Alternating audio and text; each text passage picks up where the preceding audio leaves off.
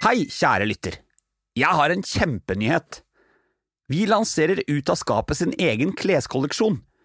I kolleksjonen Du kan komme ut til meg, har vi laget stilrent hverdagstøy med et lekent og inkluderende budskap.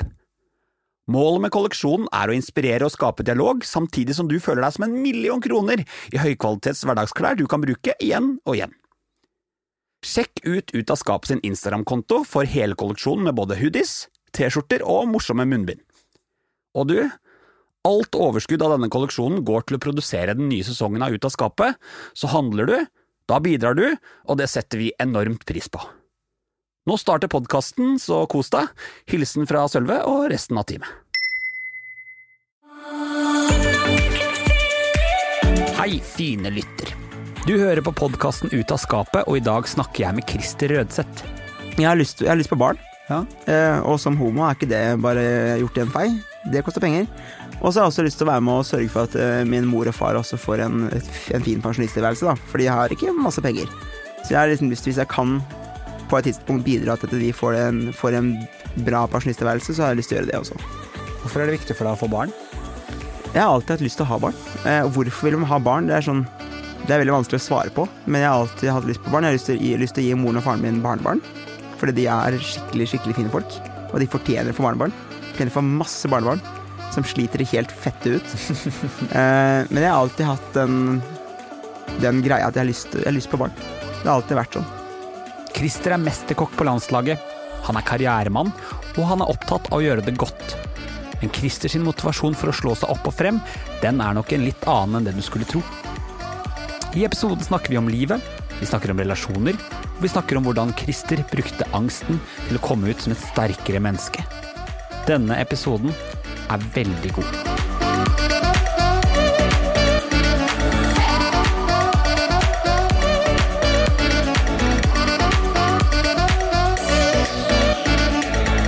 Halla, Christer. Hei! Velkommen i podkasten. Hvordan er livet som mesterkokk og restauranteier om dagen? Du, nå er det faktisk begynt å løsne igjen. Eh, vi har akkurat hatt noen eh, veldig veldig kule dager med åpning, og vi, gjestene er på vei tilbake, så det er, eh, det er skikkelig kult. For nå, nå har det vært kjedelig å ikke jobbe på gulvet på en stund. Ja, det har vært litt eh, Altså ja, absolutt. Det har vært kjempekjipt å ikke kunne ha gjester i, gjester i restauranten, men det har vært litt digg å ha fri òg. Ja, for jeg vet at eh, jobb, det er livet ditt. Det har vært livet mitt, men jeg, altså, jeg, det, er jo, det er jo også livet mitt. Men jeg har liksom innsett at eh, i hvert fall nå, da, etter å ha hatt et fri og liksom kjent litt på hvordan det er å ha fri, så er det litt deilig å kunne ha et lite liv ved siden av òg. Hva gjør du når du har fri, da, siden det er noe du ikke akkurat har holdt på så veldig mye med? Jeg, nå har jeg akkurat flytta ny leilighet og fått et, eh, endelig fått meg spisebord. Eh, jeg elsker å ha gjester på besøk, så jeg har hatt masse venner, med én meters avstand selvfølgelig. Du er jo formann i Norsk eh, Regelforbund, så jeg må passe på så ikke driter meg ut. Nei, men jeg, elsker å ha gjester på besøk, og jeg elsker å lage mat med venner, og det er på en måte min eh, kuleste og beste hobby, syns jeg. Altså. Det er selvfølgelig det er matrelatert, men det er ikke jobb, ikke sant. Det er hyggelig å kunne stå der med et glass vin og bruke god tid på å lage mat og skravle og ja, helt topp. Er du eh, en feinschmecker? Både og. Jeg liker, at det, jeg liker det rustikke også, men jeg syns det er på en måte gøy å gjøre de rustikke tingene litt bra, da. Her om dagen så lagde jeg en pizza hjemme som ble dritbra, og da ble jeg lykkelig. For det er et håndverk, ikke sant. Men altså, altså, når du sier at du lager en pizza som dritbra, er ikke alle pizzaer planlagt opp i hodet på forhånd, eller, i forhånd, eller er det Ja, men jeg, litt jeg klarte liksom å forme den så fint. Å ja. Den ble så perfekt rund og fin, og skorpa ble dritnice, så det var det, som- det som var eh, seieren, da. Hva betyr det for en mesterkokk å få perfekt skorpe? For meg, akkurat det da, var det viktig. Jeg vet at eh, yrkesstolthet, det er noe som betyr veldig mye for deg. Og du plages lite grann av kjendiser som kun er kjendiser for å være kjendiser. Hva ligger du egentlig i det? Min, min store utfordring i, i noen tilfeller, noen fortjener på en måte plassen, men veldig mange som på en måte er med på Perra eller Ex on the Beach, da. Så får du 98 000 følgere på Instagram i løpet av et døgn, og det er kun fordi du har sixpack eller store pupper og er på TV. Eh, for meg så er jeg, jeg respekterer yrker så mye, da. Hvis du på en måte har et yrke som du er stolt av, som du har tatt en utdanning innenfor og blitt kjent for det, det eh, setter jeg mye høyere enn en enn de som på en måte har vært nakne på TV, liksom. Ja, for jeg tenker at altså du som superkokk, og jeg vet at du ikke er så glad i å bli omkalt, omtalt som influenser, men det er du. Eh, Det er jeg ikke! Det er du. Jeg er ikke noen influenser. Nei, altså, ok, jeg forstår. Eh, du, Å, ikke, å, jeg forstår. du vil jo måtte kjempe litt om spalteplass, for det er mange som slår seg opp på å ta pene matbilder som nødvendigvis ikke har så veldig mye kunnskap i bånn om matlaging. Kjenner du noen ganger at det rykker litt grann i innsida når du ser at eh, folk slår seg opp på faget ditt, uten å ha noe bakgrunn? Ja, både òg, men jeg skulle, kanskje er sikkert litt sjalusi da, for jeg skulle ønske jeg hadde tid til å ta sånne bilder sjøl, for det tar jævlig mye tid. Ja. Jeg har ikke tid til å stå mange timer og dille og dalle og ta bilder hjemme på kjøkkenet. Uh, så jeg legger ut sånne bilder som er sånn middelmådige. Men uh, ja, Men smaken er smaken er, vil jeg håpe og tro er bedre. Ja, Smaken tror jeg er veldig god. Jeg syns det, så- eh, det er kult at du tør å være litt grann nedpå på de tingene der, fordi det er akkurat det som gjør at du kan stå godt i faget ditt. Du vet at du trenger ikke å eh, dra på fire filter for at det du leverer er en god opplevelse. Når dine venner er på besøk gjennom, hjemme hos deg og spiser, så eh, vet du at de får en opplevelse ut av en annen verden. Ja, for jeg er jo egentlig ikke sånn Når det kommer til matlaging, så er ikke estetikken det viktigste for meg. Det viktigste er at det, det du har laga er digg, da. Og det er det det handler om, ikke sant. Det er det samme på, på, på spesielt på Vågals også, så er det jo, det er jo veldig sånn rustikt og mye og Uh, Ikke vulgært, men det er, liksom, det, er ikke, det er ikke alt som skal så jævla pynta. Iblant så er det bare veldig, veldig bra at ting er dødsgodt. Kan mat være vulgært? Å gud, ja. Hva er vulgær mat, da? Har du ikke vært i Frankrike, eller? Nei, det er faktisk ikke. Oi, ja, det er vulgært. Hvis det, ja, hvis det er sånn Hvis det er masse fett, og det er bare det er, Alt er ekstra, da, på en måte. Ja, ja. Det er helt vulgært, men det er digg å være litt vulgær også. Men du er jo ikke fremmed for fett, Nei, langt ifra. så vulgær mat ikke- er bra mat. Ja, mange, mange tilfeller er det det. Det kan bli overload da, da. Du er jo kaptein på kokkelandslaget, det stemmer sant? Mm. Kan ikke du ta meg med liksom, på reisen fra gutt som sto i oppvaska og wash the dishes, til gullvinner i olympisk kokkelering? Dette er liksom en reise jeg har lyst til å høre litt mer om. Skjønner deg god tid. Jeg begynte i restaurant eh, Jeg begynte faktisk å jobbe i kiosken på golfbanen hjemme da jeg var sånn 10-11 år, for jeg, så, hadde så mye energi. Ingen diagnoser som er påvist, men eh, jeg hadde veldig veldig mye energi, så jeg begynte der og begynte å spille golf samtidig. Så jeg jobba en hel sommer, husker jeg, for å få en golfbag. Eh, og så begynte jeg å jobbe på restaurant da jeg var 14. Da vaska jeg opp og serverte og liksom sånne ting. Og så begynte jeg i gatekjøkkenet. Eh, etter jeg var på gjestegården i Aurskog, og så begynte jeg på fjøset. Altså gatekjøkkenet, snakker vi da burgergatekjøkken? Ja. Softis og kebab, liksom. Aha. Begynte der. Ja. Um, og så begynte jeg på fjøset. Jeg, jeg banka på døra på fjøset for da den begynte å bygge restauranten, liksom. Så han sjefen der, han Christian heter han, vi er veldig gode venner ennå. Han var sånn Han, han uh, syntes jeg var jævlig irriterende, for jeg ville ha jobb der. Ikke sant? Nekta å gi meg. Um, så fikk jeg jobb til slutt, da. Da var jeg oppvaska på nytt igjen. Da, jeg på måte, da gikk jeg liksom tilbake noen steg, da. Um, men igjen, jeg sto i oppvaska kanskje i to måneder, da. Så så han at jeg hadde liksom Potensialet mitt var litt større enn å stå og skrubbe. Jeg hadde lyst til å bli kokk, så jeg fikk kjøre mat, da. Uh, så begynte jeg, jeg begynte på videregående oppi alt det her, og så begynte jeg på utplasseringer i Oslo, Uh, og endte opp med læreplass på, på Le Canard, som er en stjernerestaurant uh, i Oslo, på Frogner. Men hvordan ender man opp med plass? Du må jo ha gjort noe i forkant for å fortjene en plass der? Ja, klart, men det var læreren min, Mark Hickton, som på en måte fikk eh, Han, han pusha meg veldig, da. Okay. Jeg har alltid blitt pusha, for jeg har alltid tålt liksom, å bli litt, uh, litt pusha, liksom. Alltid vært sånn. Vært sterk mentalt, stort sett. Um, og han uh, fikk meg inn der på, på utplassering, og da jobba jeg ræva av meg, liksom. I, jeg var, det, du er gjerne på utplassering i to uker, og da kan du på en måte vise hva du er god for. Ja, og du kan jo ikke en dritt, ikke sant. Du er jo helt fett ubrukelig, men du, du, du har et engasjement der, og du har en passion. Eh, så jeg husker første jobben jeg skulle gjøre, var å kutte paprika. Eh, og da ble jeg vist av en kokk at det skal kuttes i noe som heter brunoise, da, som er en sånn en, det er to ganger to millimeter, et, et eller annet sånt det skal være, da. Eh, og det Jeg ble vist feil, og det var ikke godt nok, så jeg fikk skamkjeft etter sånn ti minutter på kjøkkenet, og fikk beskjed om å løpe ned på tyrkeren og kjøpe ny paprika. Jeg visste jo faen ikke hvor den tyrkeren var. hen. Jeg løp ut og fant paprika, og så kom jeg tilbake. Aha, så det er litt sånn learning the hard way? Ja, det var learning the hard way, da, men jeg ble ikke, jeg ble ikke redd. Altså, jeg ble litt sånn litt småstressa av det, men samtidig på en sånn positiv måte, for det er sånn det er positiv frykt, da. Det er ikke alle som forstår det. Men det er jo, altså én ting er jo å bli kokk, men det er jo en annen ting å bli, altså jobbe som topp, toppsjef, altså mesterkokk. Det er, Ja. er, altså, det er jo eh, Bestemte du deg tidlig for at jeg har lyst til å bli best på det jeg gjør? Jeg bestemte meg litt tidlig for at jeg hadde lyst til å være med på kokkelandslaget, så, og de trente jo på Sørumsand da jeg gikk på skole. Så jeg fikk muligheten til å bli med der og vaske opp for de, fra jeg var sånn 16-17. Og det gjorde jeg jo med glede, liksom. Eh, Selv om det var et helvete. Um, så jeg begynte der jeg var sånn 16-17, og så jobba jeg, jobba jeg knallhardt, for jeg ville inn en dag. Så i 2011, da hadde jeg vært uh, faglært kokk i fem-seks måneder, da fikk jeg endelig plass på juniorlandslaget. Men det er jo veldig viktig at hvis man vil opp og fram, så må man jo gjøre litt drittjobber og være litt taktisk smart. Og det mener jeg også. Jeg mener at det, er liksom sånn for at en, en, en CEO da, som aldri har stått på gulvet, det får mye mindre respekt av meg kontra en CEO som faktisk har stått på gulvet, og som vet hva det vil si. For jeg tror at en, en, leder som har stått i skrubben og gjort alt det der, vil ha en større forståelse for driften. Kontra bare å se på et Excel-ark at nå må kutte timer, så vet de at det vil påvirke det og det og det og det. Da kan man ta en bedre beslutning, tror jeg. Og så har du jo nå er det jo medeier og åpnet egen restaurant. Ja, ja. Tar du med deg mye av den erfaringen inn som eier? For jeg tipper at da er du også veileder, er du ikke det? Jo, men min, min største måte, utfordring som medeier har vært liksom å slippe litt. Ja. For at, uh, jeg er vant til å ha kontroll på alt sjøl. Uh, men så har jeg kjempeflinke folk på, på Code som har vært på Vågas tidligere. Jeg har kjent i fire år, liksom, så jeg stoler jo på de 100 Men så er det litt, iblant litt sånn gammel vane hvor man da kanskje vil inn og styre, og så sier nei, det skal jeg faktisk ikke gjøre. Klarer du å la være? Ja, jeg gjør faktisk det. Blitt mye bedre på det, i hvert fall.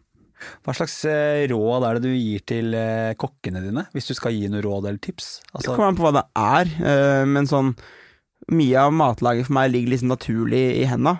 I hvert fall måten jeg vil lage mat på, da. Altså, alle lager jo mat på forskjellige måter, men måten jeg steker en fisk på, eller et kjøttstykke, det ligger litt naturlig for meg i henda, og da bare gjør jeg det. Jeg tenker ikke så mye gjennom det, jeg bare gjør det. Mm.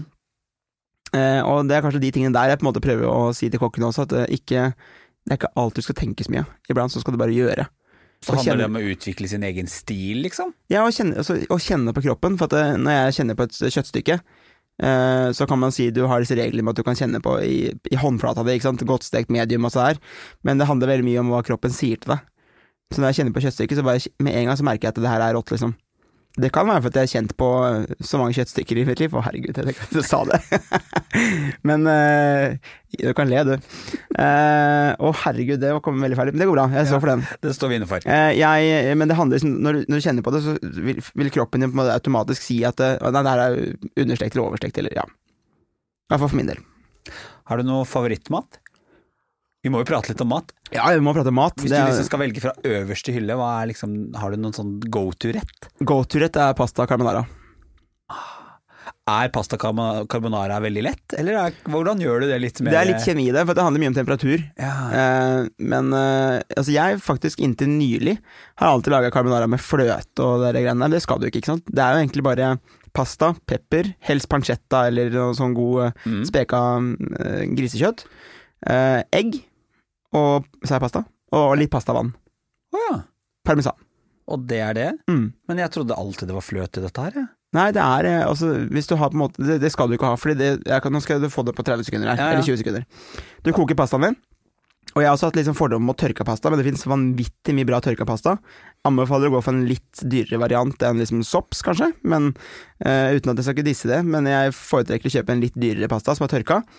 Kokeren, ikke sant? Følg, følg, pakningen, hva som står. Der står det at du skal kanskje koke den i tolv minutter, da. Og da gjør du det.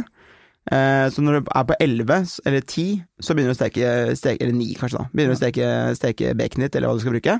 Knus gjerne et hvitløksfedd, ha det oppi sammen med bacon i panna, ha på litt pepper. Nydelig. Eh, og når pasta er nesten ferdig kokt, så tar du litt av pastavannet oppi panna di, for å kjøle den ned. Trekker den litt til side. Um, siler pastaen, du visper sammen ett til to egg med revet parmesan og pepper. Ha pastaen oppi panna di med, med, med baconet, har oppi eggene og bare kast den sammen. For da skal temperaturen i panna være akkurat nok til at du får en emulgert og digg saus. da. Mm.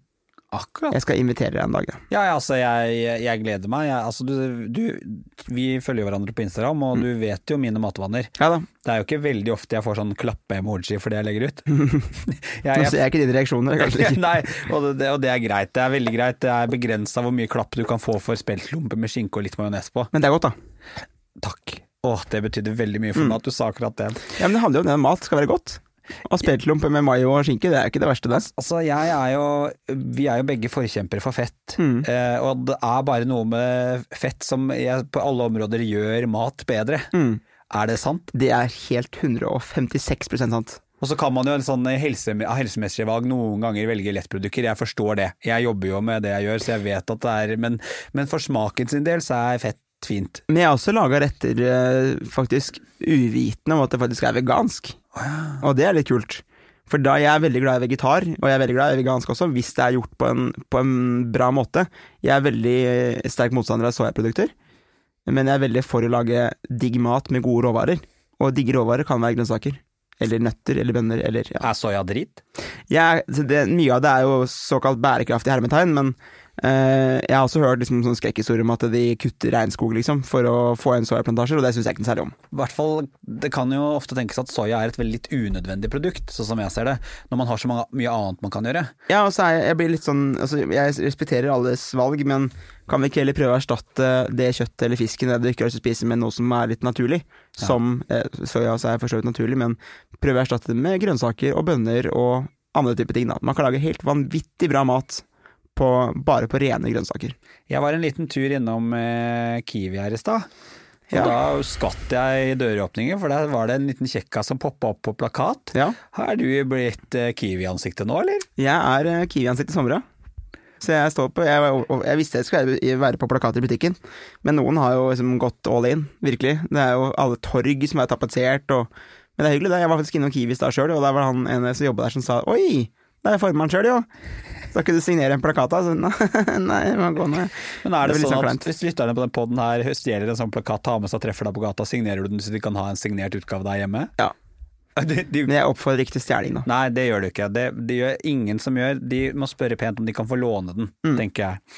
Ved kampanjeslutt uh, i slutten av juli. Da er det bare å gå og spørre. Da setter Kiwi de på utsiden, og folk kan ta. ja, Så, det tipper jeg. Ja, jeg tror jeg skal ha en, for jeg har som sagt mange ganger alle trenger en Christer hjemme. Åh, Ja, det er sant. Um, jeg er ganske omsorgsfull også, faktisk, til at jeg til, til å kunne lage mat. er du det? Mhm. Selger du deg selv inn der nå? Eh, ikke bevisst, men ok. Ubevisst? Eh, ja, Ja. jeg er litt sånn Du er jo, du er jo ung, mm. eh, og du har jo plutselig fått en sånn enorm framdrift, både sånn karrieremessig og i synlighet. Um, I forkant av denne podkasten så snakket vi litt om kokkemiljøet. Opplever du at det kan være litt sjalusi når du er så på som det du er? Det er jo ingen som sier det direkte, men også har jeg, altså, jeg har vært, eh, alltid vært liksom, jeg, jeg har gitt litt faen i hva folk tenker om meg, på en måte. Ja, ja. Jeg vil at folk skal like meg, åpenbart, men det er viktigere for meg at Ola Nordmann liker meg, enn at, eh, at uh, bransjen på en måte anerkjenner på én måte, samtidig som at det er viktig for meg å ha en standing i bransjen. Ja. Men jeg tør liksom å, tror jeg, å, å være meg sjøl, da. Og jeg tør å ta meg selv ned på et nivå hvor alle på en måte kan være med. Og veldig mange kokker er flinke på det, som Tor Victor Gausdal, Sian Flor. Også, det er mange dyktige kokker som er flinke på å lage oppskrifter som alle kan lage, og det er kjempeviktig. Det er man, det er det vi må gjøre. Altså folkelighet er en greie. Folkelighet er kjempeviktig. Det er alltid deilig med sånn her liten sånn matprat først, men nå er du i podkasten Ut av skapet. Mm. Og her skal vi prøve å eh, komme litt i dybden på også litt andre ting.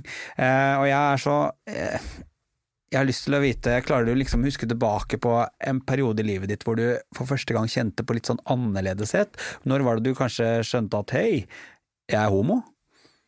Altså Helt ærlig så tror jeg bare at jeg var sånn. Mm. Jeg bare Jeg tror ikke Jeg hadde ikke en sånn fase. For meg så bare var jeg det, på en måte. Jeg merka jo at det var noe som på en måte skjedde, men det var ikke noe negativt med det, på en måte. Det bare blei sånn. Uh, og plutselig så bare måtte jeg konstaterte det litt for meg sjøl, at jeg likte gutter. Og det har bare, bare vært sånn alltid. Det har ikke vært noen biggie for meg. Jeg synes det var så bra sagt. Du sa til meg at du var litt sånn gymtimeredd, og da tenkte jeg ja, ja, det er Ja, nei, men det var ikke fordi jeg var Det var ikke noe dusjgreier, jeg, jeg var bare jævlig lat. Ja, det var det jeg syns er så bra. Jeg tenkte bare ja, det handla sikkert om dusj og nakne. Nei, det handla ikke om det, det handla bare rett og slett om fordi jeg er så jævlig lat. Jeg var Jeg er blitt bedre. Ja, er du oppe og nikker på trening om dagen? Opp og nikke vil jeg ikke si, men jeg, har løpt litt, faktisk. Jeg, jeg er løpegutt, da. Liker å løpe. Du har vokst opp på Aurskog, Mm. som er eh, på landet. Ja. Er det innafor? Jeg elsker si det? landet. Ja, ja, men jeg, og jeg elsker det. Elsker landet. Hvordan er det å vokse opp som homo på landet? Altså, stort sett så var det veldig greit. Det var noen sånne slengkommentarer iblant. Og, og, som på en måte, og jeg var, jeg, når jeg tenker på det, så var jeg en liten sånn beskyttelsesmodus en liten periode. Vi var en liten kompisgjeng, og så var det en av guttene, ikke av meg, da, som var litt sånn Han var litt sånn femi. Og da mobba jeg liksom litt på han, da. For å, gi til, for å liksom skjule deg sjøl? Ja, litt sånn, men det var ikke, jeg tror ikke det var bevisst heller. Jeg bare gjorde det, men, og det er ikke noe jeg er stolt av, liksom. Men øh, så var det Jeg kom ut av skapet for en venninne da jeg var sånn 15-16 år. Første gang. Ja. Var eh, dette en nær venninne, da, eller? Var, ja. Eh, fordi uka etter så kom jeg på en fest, og så Ha, da du er homo, du. Oh, ja. Jeg bærer ikke til nag, du. Altså, vi, vi har fin tone i dag. Ja. Men jeg, jeg var ikke sånn kjempeimponert akkurat da. Så du opplevde da at den du fortalte til, liksom outa deg? Ja. Kjente du på den derre pulsen? Ja, nei, jeg, altså jeg, har- jeg har vært litt chill med det, da. Jeg syns ikke det var noe Det var ikke sånn at vi på en måte For jeg drev med så mye på den tida der. Jeg spilte jo ut i to korps, shocking news, eh, og et storband. Jeg instruerte elever i to korps og spilte i storband. Oh, ja. I tillegg til at jeg da gikk på Jeg jobba annenhver helg, og kanskje oftere også. Ja. Så jeg var dritaktiv, ikke sant. Jeg hadde moped, så jeg gønna rundt i bygda. Jeg hadde jo Honda MT5. Du hadde ikke tid til å liksom eh, til å lande noe sted? Nei, men det var ikke, det var ikke noe viktig for meg heller. For meg så handla det om å gjøre det jeg hadde lyst til å gjøre. Det, var- det, jeg, hadde, jeg var homo, men det var ikke det jeg på en måte skulle bruke fulltid på, liksom. Det var en del, en del av meg, men så var det viktigere for meg å drive med musikk og lære bort og lage mat og jobbe og gå på skole. Det er jo fantastisk deilig når man står så godt i det selv så tidlig. Det er jo mange forskjellige historier, og mange har jo vært gjennom både internkamp og ytrekamp og alle disse tingene her. Hvorfor tror du du eh, aksepterte det så godt? Åssen familie, var familierelasjonen din, liksom? Nei, altså, familien min er helt fantastiske. Altså, mamma og pappa og Jeg har to søstre og en bror også. Bendik, broren min, han er lillebror. Så jeg husker da han altså Alle hjemme var støttende. Jeg husker jeg sendte en melding til mamma da jeg var sånn 16, tror jeg. Jeg, jeg satt på skolebussen på vei hjem fra skolen. Jeg husker nøyaktig hvor jeg var igjen. Jeg var like ved alpakkagården som ligger på, ligger på Killingmo, liksom, i Ærskog. Eh, så jeg melding til mamma, mamma, jeg er ikke For jeg skulle på, jeg skulle på rett, rett på det, da.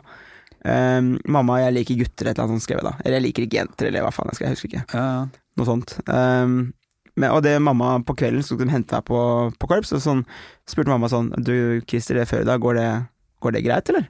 Ja ja. Det er ikke noe stress. Så var det på en måte det. Pappa var litt sånn Pappa har alltid, vært veldig støttende, eh, og sånn i starten så var han sånn Ja, har du møtt noen gutter da, Christer? Eller jenter, kanskje? Sånn han liksom prøvde seg litt, da. Men nå er han Jeg snakka med ham på telefon for en måned siden, han nå inne med, på sykehus med en infeksjon. Det gikk Ja, ja. veldig fint, men da hadde han lest opp på nett, da Jeg skjønner faen ikke hvorfor det skal være så jævlig vanskelig for dere å få barn. Så han irriterer seg over det, da. Så det, han, er, han er for.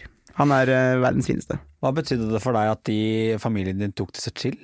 Veldig, veldig mye. Og søstrene mine, det var jeg ikke bekymra for i det hele tatt. Altså, sånn, fordi vi er en veldig sånn varm familie. Uh, og hvordan er det å komme inn i Åssen er familien din? Nei, de er hjemme, de er veldig gjestfrie. Mamma, hun er sånn Det skal være shina. Det er helt sånn Ting skal være på stell, og det skal være liksom, ordentlige forhold. Og det, vi, er ikke noe, vi ikke noe rik familie. Helt normal arbeiderfamilie, på en måte. Sånn med helt vanlig økonomi, ikke noe, ikke noe mer. Eh, men mamma har alltid vært opptatt av at det skal være når vi har gjester, så skal det være ordentlig. Men min største bekymring husker jeg da Bendik, da, broren min, eh, gikk på ungdomsskolen. For da var jeg åpent skeiv. Var at han skulle bli mobba. Ja. Eh, og han har vært litt sånn inneslutta type, så jeg, var litt, jeg vet ikke om han ble Jeg tror ikke han ble mobba, men jeg sa det til han Bendik, hvis du blir mobba, så må du gi meg beskjed. For da kommer jeg på skolen din, så snakker jeg med klassen din. Jeg er litt sånn at jeg bekymrer meg for andre før meg sjøl. Eh, det gjelder venner, ansatte, hvem det måtte være, så blir jeg Jeg setter veldig fort folk foran meg sjøl, òg.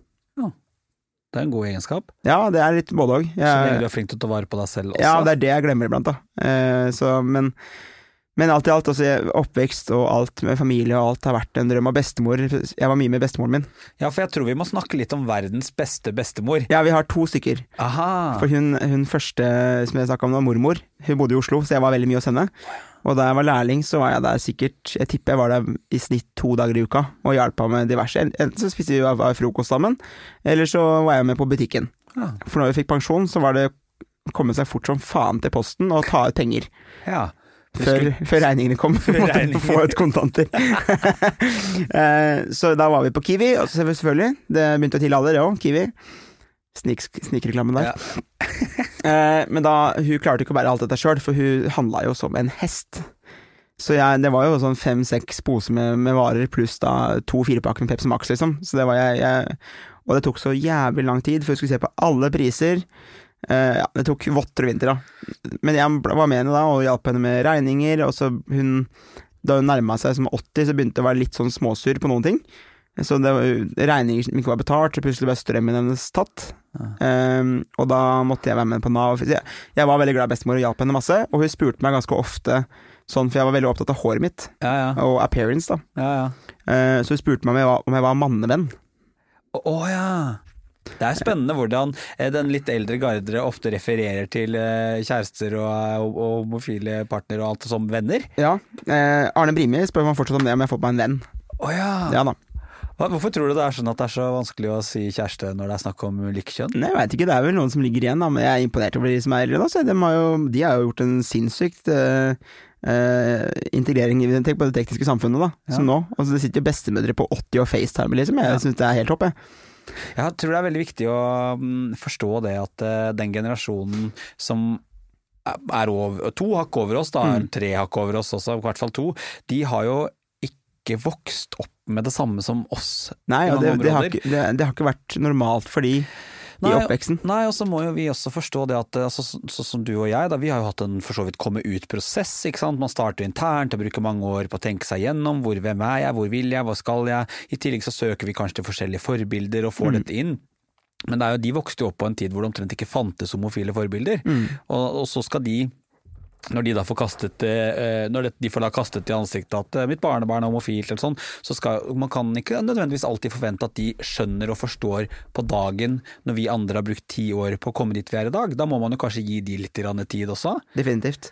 Men bestemor hun fremstår litt som sånn homomotstander. Å ja, hva mener du med det? Nei, altså hun, hun fortalte meg om noen ganger hun hadde vært ute og gått tur, da. Eh, for vi hadde bikkje en stund. Og da sa hun til meg at etter hva, Christer, i dag I dag så jeg to mannevenner som hadde giftet seg. Æsj! Sa det? Ja, jeg bare å helvete. Hva tenkte du da? Nei, jeg tenkte å faen, tenkte jeg, det her er ikke bra. Men igjen, så hun, hun var ikke et, et vondt menneske, hun var en kjempesnill dame. Så jeg skjønte liksom at det, hvis jeg da bestemmer meg for å komme ut, så kommer det til å gå bra. Men jeg sa aldri noe, for hun spurte meg hele tiden er du mannevenn, Christer. Så, hun så på meg sånn, sånn dypt blikk i øya. Kjente du ble litt skjelven da? Nei, jeg klarte å hele tiden å bare avvike det. Vil si, ja, hvem veit, liksom. Kanskje, kanskje ikke. Og beskyldte fetteren min også for å være mannevenn. Oh, ja. Ja da. eh, men til, så jeg tok med Hun sa til meg at Kristin, skal du ta med deg en jente hit, da? Så der så tok jeg med en lesbisk venninne. Altså, hun er verdens søteste linje på Shane fra Edward, liksom. Ja, ja. Sånn svart hår, tynn, eh, nydelig jente, men altså sånn Jeg ser jo, så jo, visste jo veldig godt at hun var lesbisk, liksom. Men bestemor skjønte ikke det. Oh, ja. Eh, så hun- bestemor syntes hun var så nydelig, og jeg måtte ta med henne tilbake igjen, da Oh, ja. og maste på det, men så sa jeg til slutt det at eh, Vet du hva, Christer, hvis ikke du tar med deg en jente nå, kan du ta med deg en gutt. Nå bryr jeg Ja. ikke lenger. Nå fortalte du det til uh... Jeg rakk aldri å si det til henne. Å nei. Jeg bare ringte mamma en gang, det var i 2010. Da var jeg på jobb på Løkka der, bare ringte mamma og lurte på om ikke jeg kunne stikke ned og, og se åssen det gikk med bestemor, for hun hadde vært på besøk hjemme bare noen dager før, på bursdagen til søstera mi. Uh, tenkte jeg, faen, jeg, for det hadde skjedd flere ganger før, at jeg måtte reise fra jobb. Det var en gang åndsdøra hennes datt av, og hun ringte meg gråt på telefonen, jeg måtte løpe ned og Men da tenkte jeg ok, jeg får bare spørre sjefen om jeg kan få gå, for hun ringte meg først på mobiltelefon, men mobiltelefon det var strengt forbudt på jobb. Så mamma ringte til restauranten. Jeg tenkte ok, nå er det et eller annet som er uh, viktig, liksom. Så jeg måtte da hjem til Kjelsås, Kjelsås da, og hente nøklene mine. Jeg fikk låne meg bil, uh, og så kjørte jeg inn og hentet onkelen min. Uh, og så hadde jeg liksom, Det hadde liksom dårlig følelse. Men så hadde jeg også tenkt på ganske lenge at jeg har en følelse av at jeg en dag kommer til å finne bestemor hjemme. Ja. Eh, så jeg måtte bryte meg inn. Jeg hadde nøkkel, men hun hadde sånn sikkerhetslenke på, da.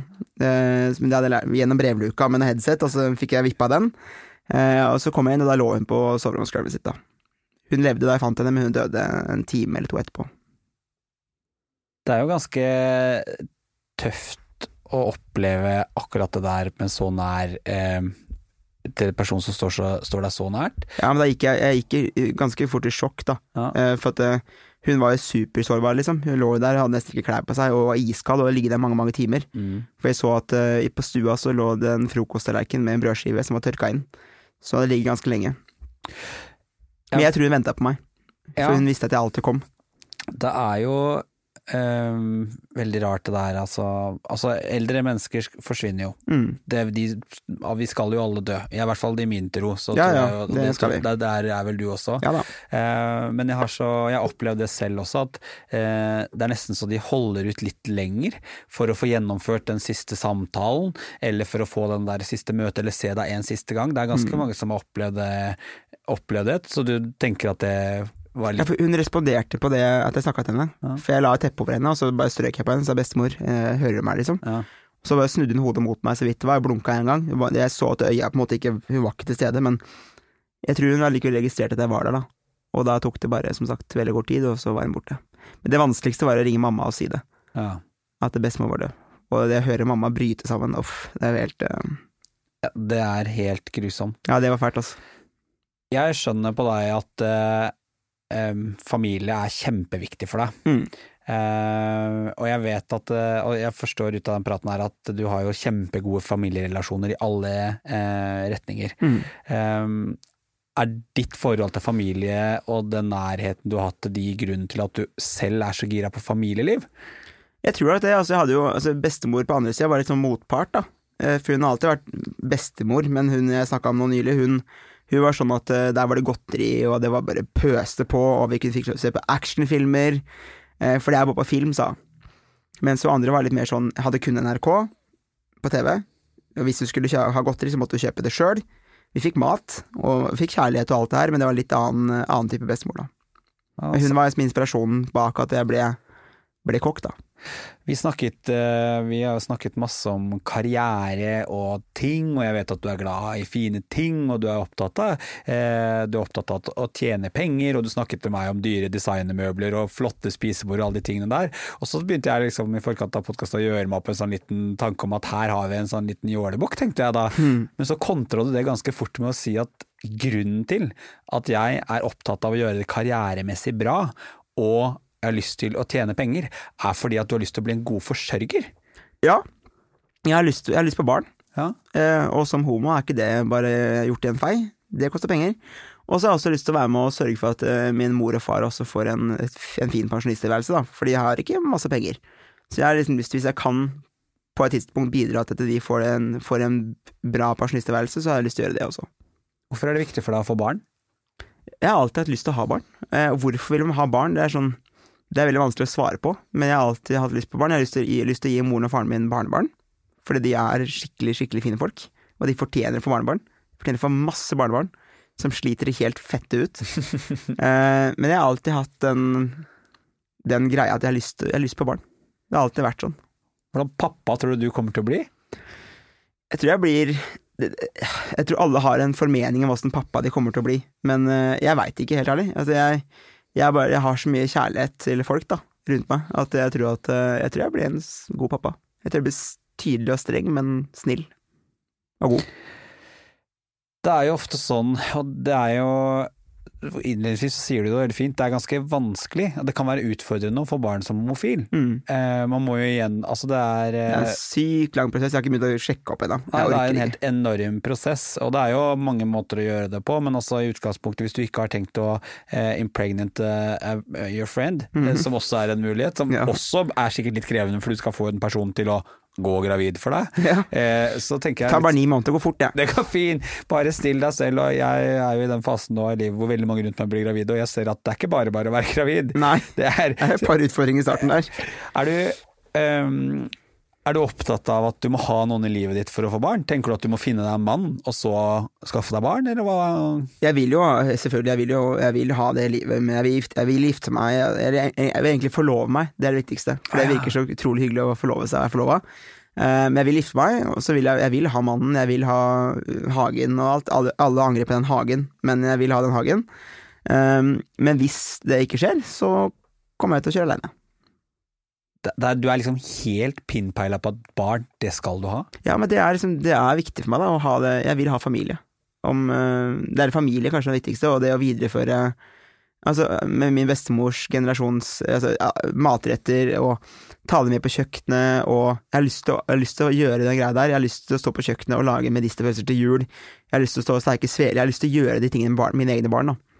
Jeg syns det, det er så fint når du liksom toppa hele den der litt sånn jålete praten vår med å si ja ja, men eh, Sølve, dette gjør jeg fordi at jeg har lyst til å være en god forsørger. Mm. Og jeg vet ikke om det er så mange som eh, nødvendigvis kjenner den siden av deg.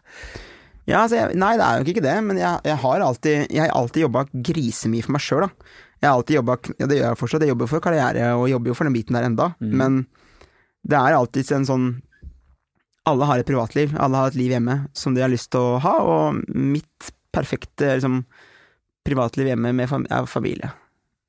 Til slutt. Du fortalte meg, og sier det nå også, at du har alltid jobba hardt. Mm. Og du har jobba ekstremt mye. Mm. Eh, Jeg vet også at eh, det resulterte i 2019 i at det ble ganske tøffe tider for deg.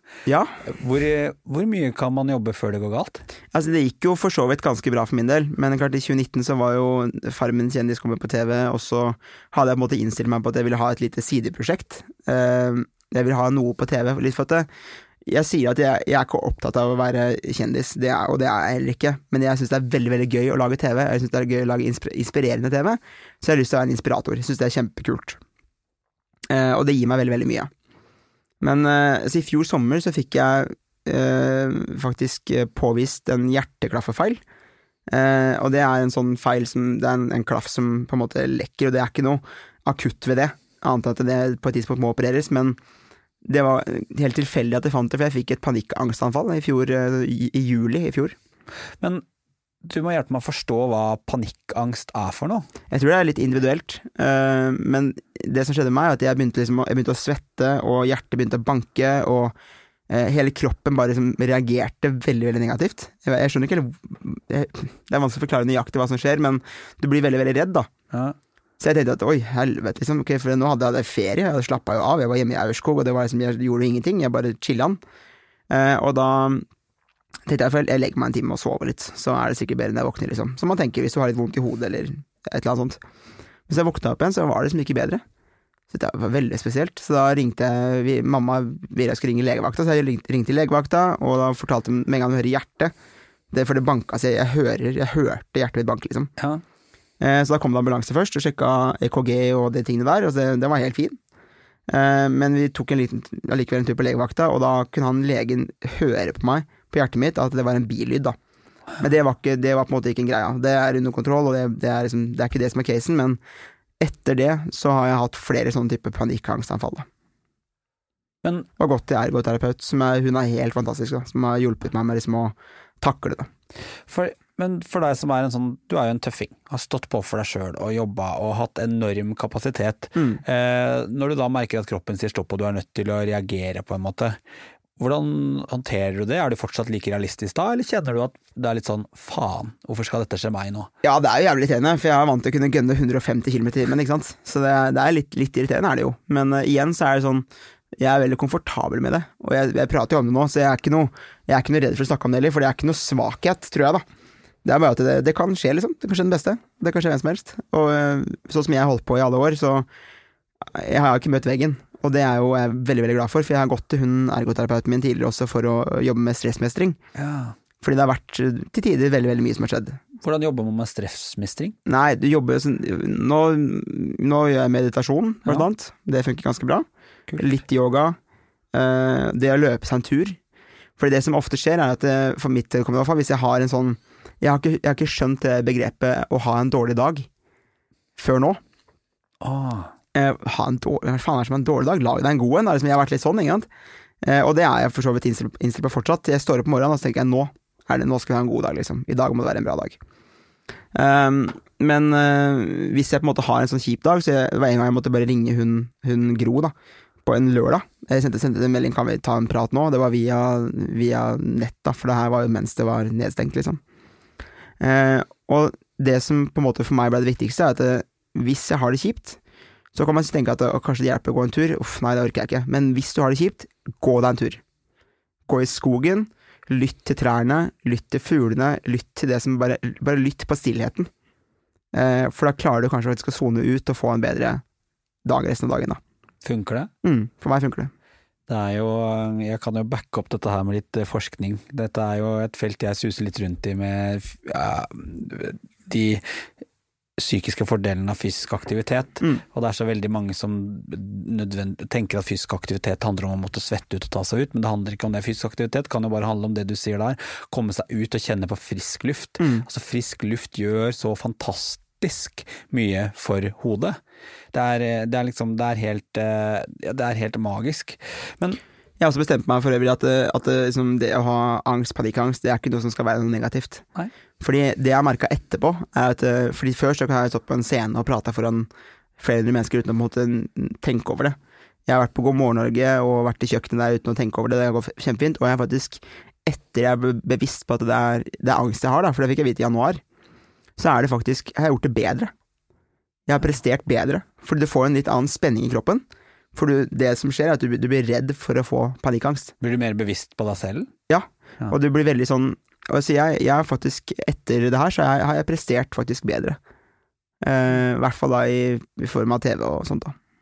Så du tenker da at denne, altså denne angsten har lært Har du blitt litt bedre kjent med deg selv gjennom det, Mm. Er det lettere for deg å sette og du kjenner liksom sånn på kroppen din at eh, Og i dag er det litt sånn dag, men så Det som er litt sånn Det høres helt fucka ut, liksom, men hvis du bare sier til angsten din at i dag kan du bli hjemme, så får du et annet mindset, du tenker litt annerledes. Ja, så du kan styre det? Ja, du kan ikke styre det, men du kan prøve å måte Du skal aldri på en måte dytte angsten bort. Nei. Du skal embrace det, men du kan be han om å, eller hun om å ta en liten pause. For nå skal du faktisk gjøre noe annet. Hvor viktig er det å oppsøke fagfolk? Ja, altså I mitt tilfelle så har det vært kjempebra. Altså hun øh, som jeg har gått til, altså jeg mener hvis du har det kjipt, bare snakk med noen. Altså sånn, Begynn med fastlegen din, eller hva du enn har, eller snakk med en venn, hva som helst, men bare ikke gå med ting inni deg, da. Det er mye bedre. Og om du på en måte tenker at det er en svakhet, det er ikke en svakhet, liksom. Det er, øh, det er veldig, veldig mange som sliter med det samme. Og det jeg også har lært, er at hvis du får et panikkangstavfall, så skal du bare la det bare skje. Bare la det flyte ut. La det på en måte og, og provosere det til å bli enda verre, for da blir neste anfall mildere. Aha. Jeg tror det er kjempeviktig, og jeg er så glad for at du sier det. Jeg håper at de som hører på her, tar med seg det at eh, Jeg syns det er kult at en såpass tøff kar, da, nå kjenner jeg deg litt, er så sårbar på det, og åpen på det. Mm. Jeg, det er Det så er første gang jeg så åpen, da. Ja, men jeg syns det er så viktig at, eh, at folk hører det. Fordi um, dette med mental helse, det er nødt til å komme mer på agendaen. Mm. Og hvis de skal gjøre det, så trenger vi folk sånn som deg som, som snakker det. Og de skal ikke snakke det verken opp eller ned, men som snakker om det. Så sier at dette er en del av meg, det er en del av hvem jeg er. Og jeg fungerer fint selv om jeg står i det. Mm. Så, Og det er, ikke, og det er liksom ikke noe Det er ikke noe farlig, og dere er ikke aleine, og det er sånn Ja, nå skal ikke vi snakke masse om dysterhet, men snurr det til noe positivt, da. Det mener jeg selv om man kan ha en dårlig dag. Prøv å noe Prøv å lage deg en god dag. Hva, hva trenger du i dag for å lage deg en god dag? Det tenker jeg. Hvilke grep gjorde du sånn jobbmessig for å klare å liksom Når du skjønte nå har jeg pusha på for mye, tok du noen grep? Sånn, hvilke Ja, jo grep tok ikke, du jeg, i vet, ikke- jeg livet? vet ikke om jeg pusha på for mye, jeg aner ikke hva som trigga angsten, men jeg tror jo det at det var på en måte mengden av inntrykk da, i 2019, alt fra Farmen til matsjokket til å åpne restaurant, det var ganske mye på et år. Uh, så jeg er helt overbevist om at det er noe av det skylda er at jeg har kjørt på fart. Uten tvil. Man må iblant stoppe opp og bare bremse, og så må man være litt uh, der. Og det jeg har lært meg, som er litt kult, er å være litt i nuet. Altså i, i nuet. Altså vær der du er. Hvis du står og lager mat hjemme en lørdag, ikke sant. Bruk litt tid å ta inn, ta inn inntrykkene, ta inn liksom luktene, ta inn lydene. For da klarer du kanskje å få en, en, et par minutter hvor du på en måte kun er der du er, og det er veldig sjelden vi er. Det er veldig sjelden vi faktisk er bare til stede akkurat der vi er. Jeg, ja, jeg tar meg jo selv i å være veldig sånn multitasker. Ja, og det jeg tror jeg er veldig mange som er. Vi gjør så mye. Det skal skje sant? masse samtidig, og helst i går, ikke sant? Ja, for for eksempel nå sitter du og hører på podkast, og det er jo en ting jeg veldig lenge gjorde jeg, mens jeg gjorde alt annet. Jeg Mm. kunne ta løpe, jeg kunne ta lage mat, jeg kunne gå tur. Alltid et eller annet som skulle skje samtidig. Men det sekundet jeg begynte å sette pris på podkast, var når jeg satte meg ned på sofaen. La vekk mobilen og bare hørte på podkasten. Samme som meditasjon også, for min del. da. Det har på en måte vært min greie. Har blitt, da. Det er eh, så, ja, jeg synes det er, så, det er et kjempefint innspill å være litt mer eh, til stede. Er matlaging en sånn nu-situasjon for deg? Ja, det er, det er blitt det. Altså På jobb så skal det skje.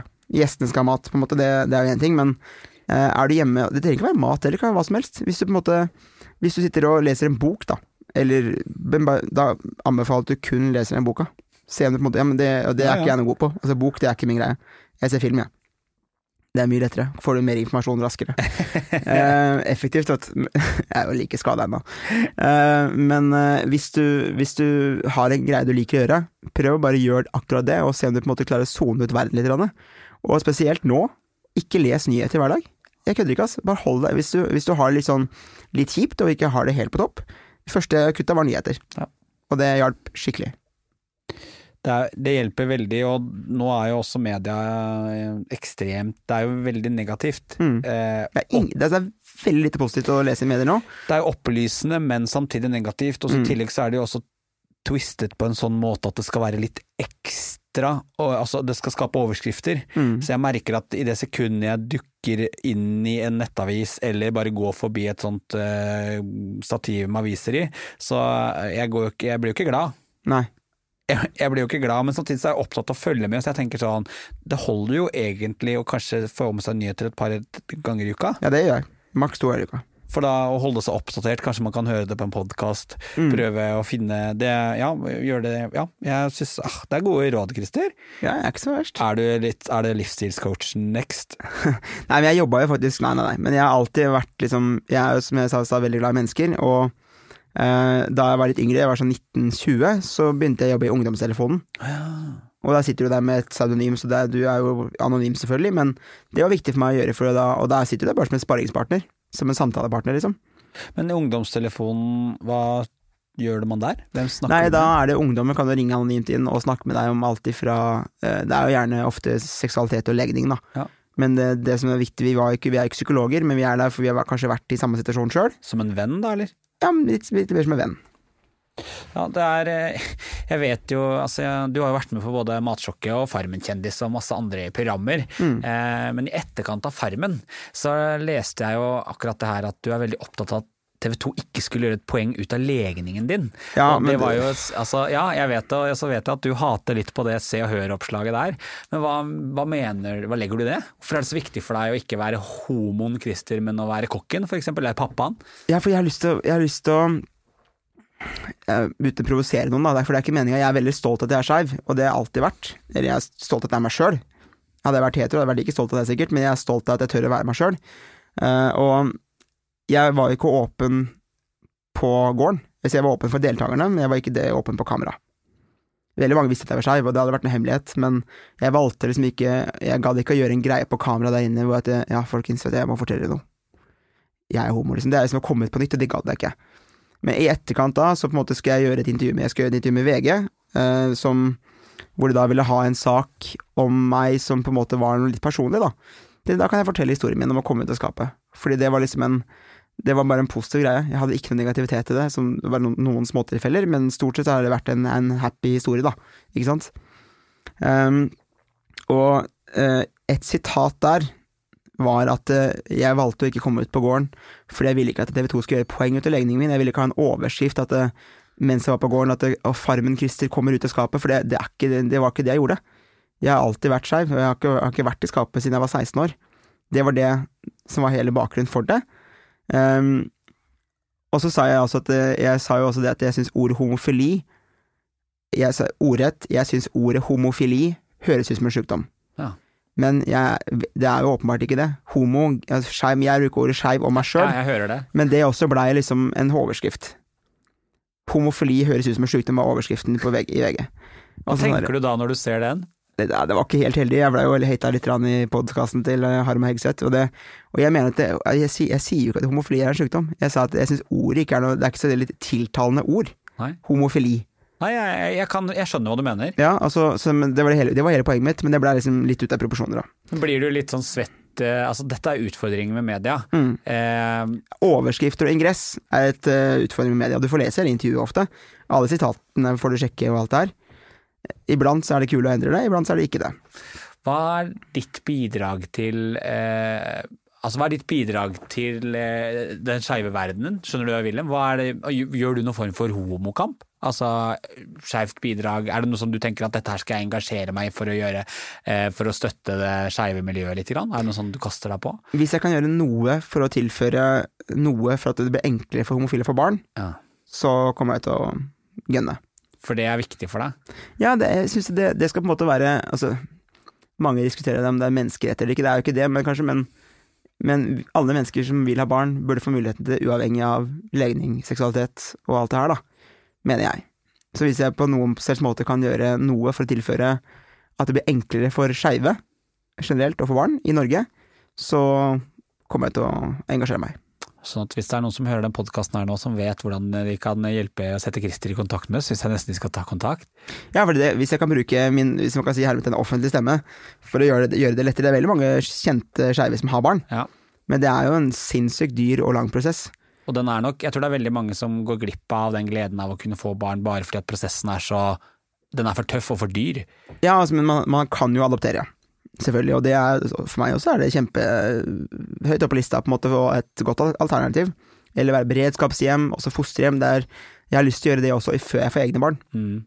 For å på en måte ha kjent litt på åssen det er å ha ansvar for et annet menneske, da. For det er jo det du har.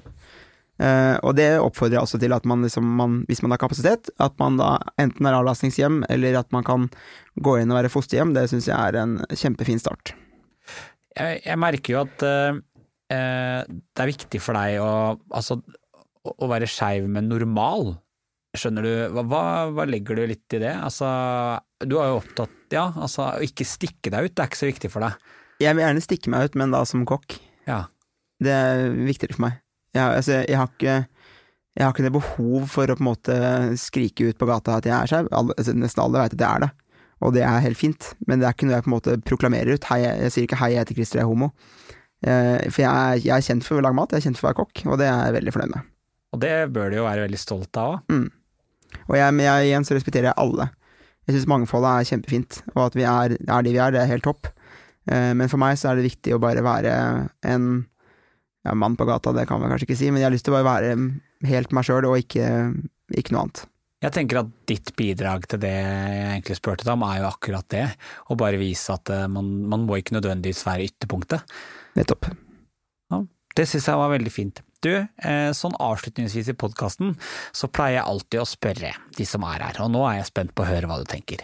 Om du har et råd du vil gi til lytterne som vil gjøre verden hakket mer inkluderende og litt mer forståelsesfull, er det noe du tar ut av den praten her som du har lyst til å si til de som hører på?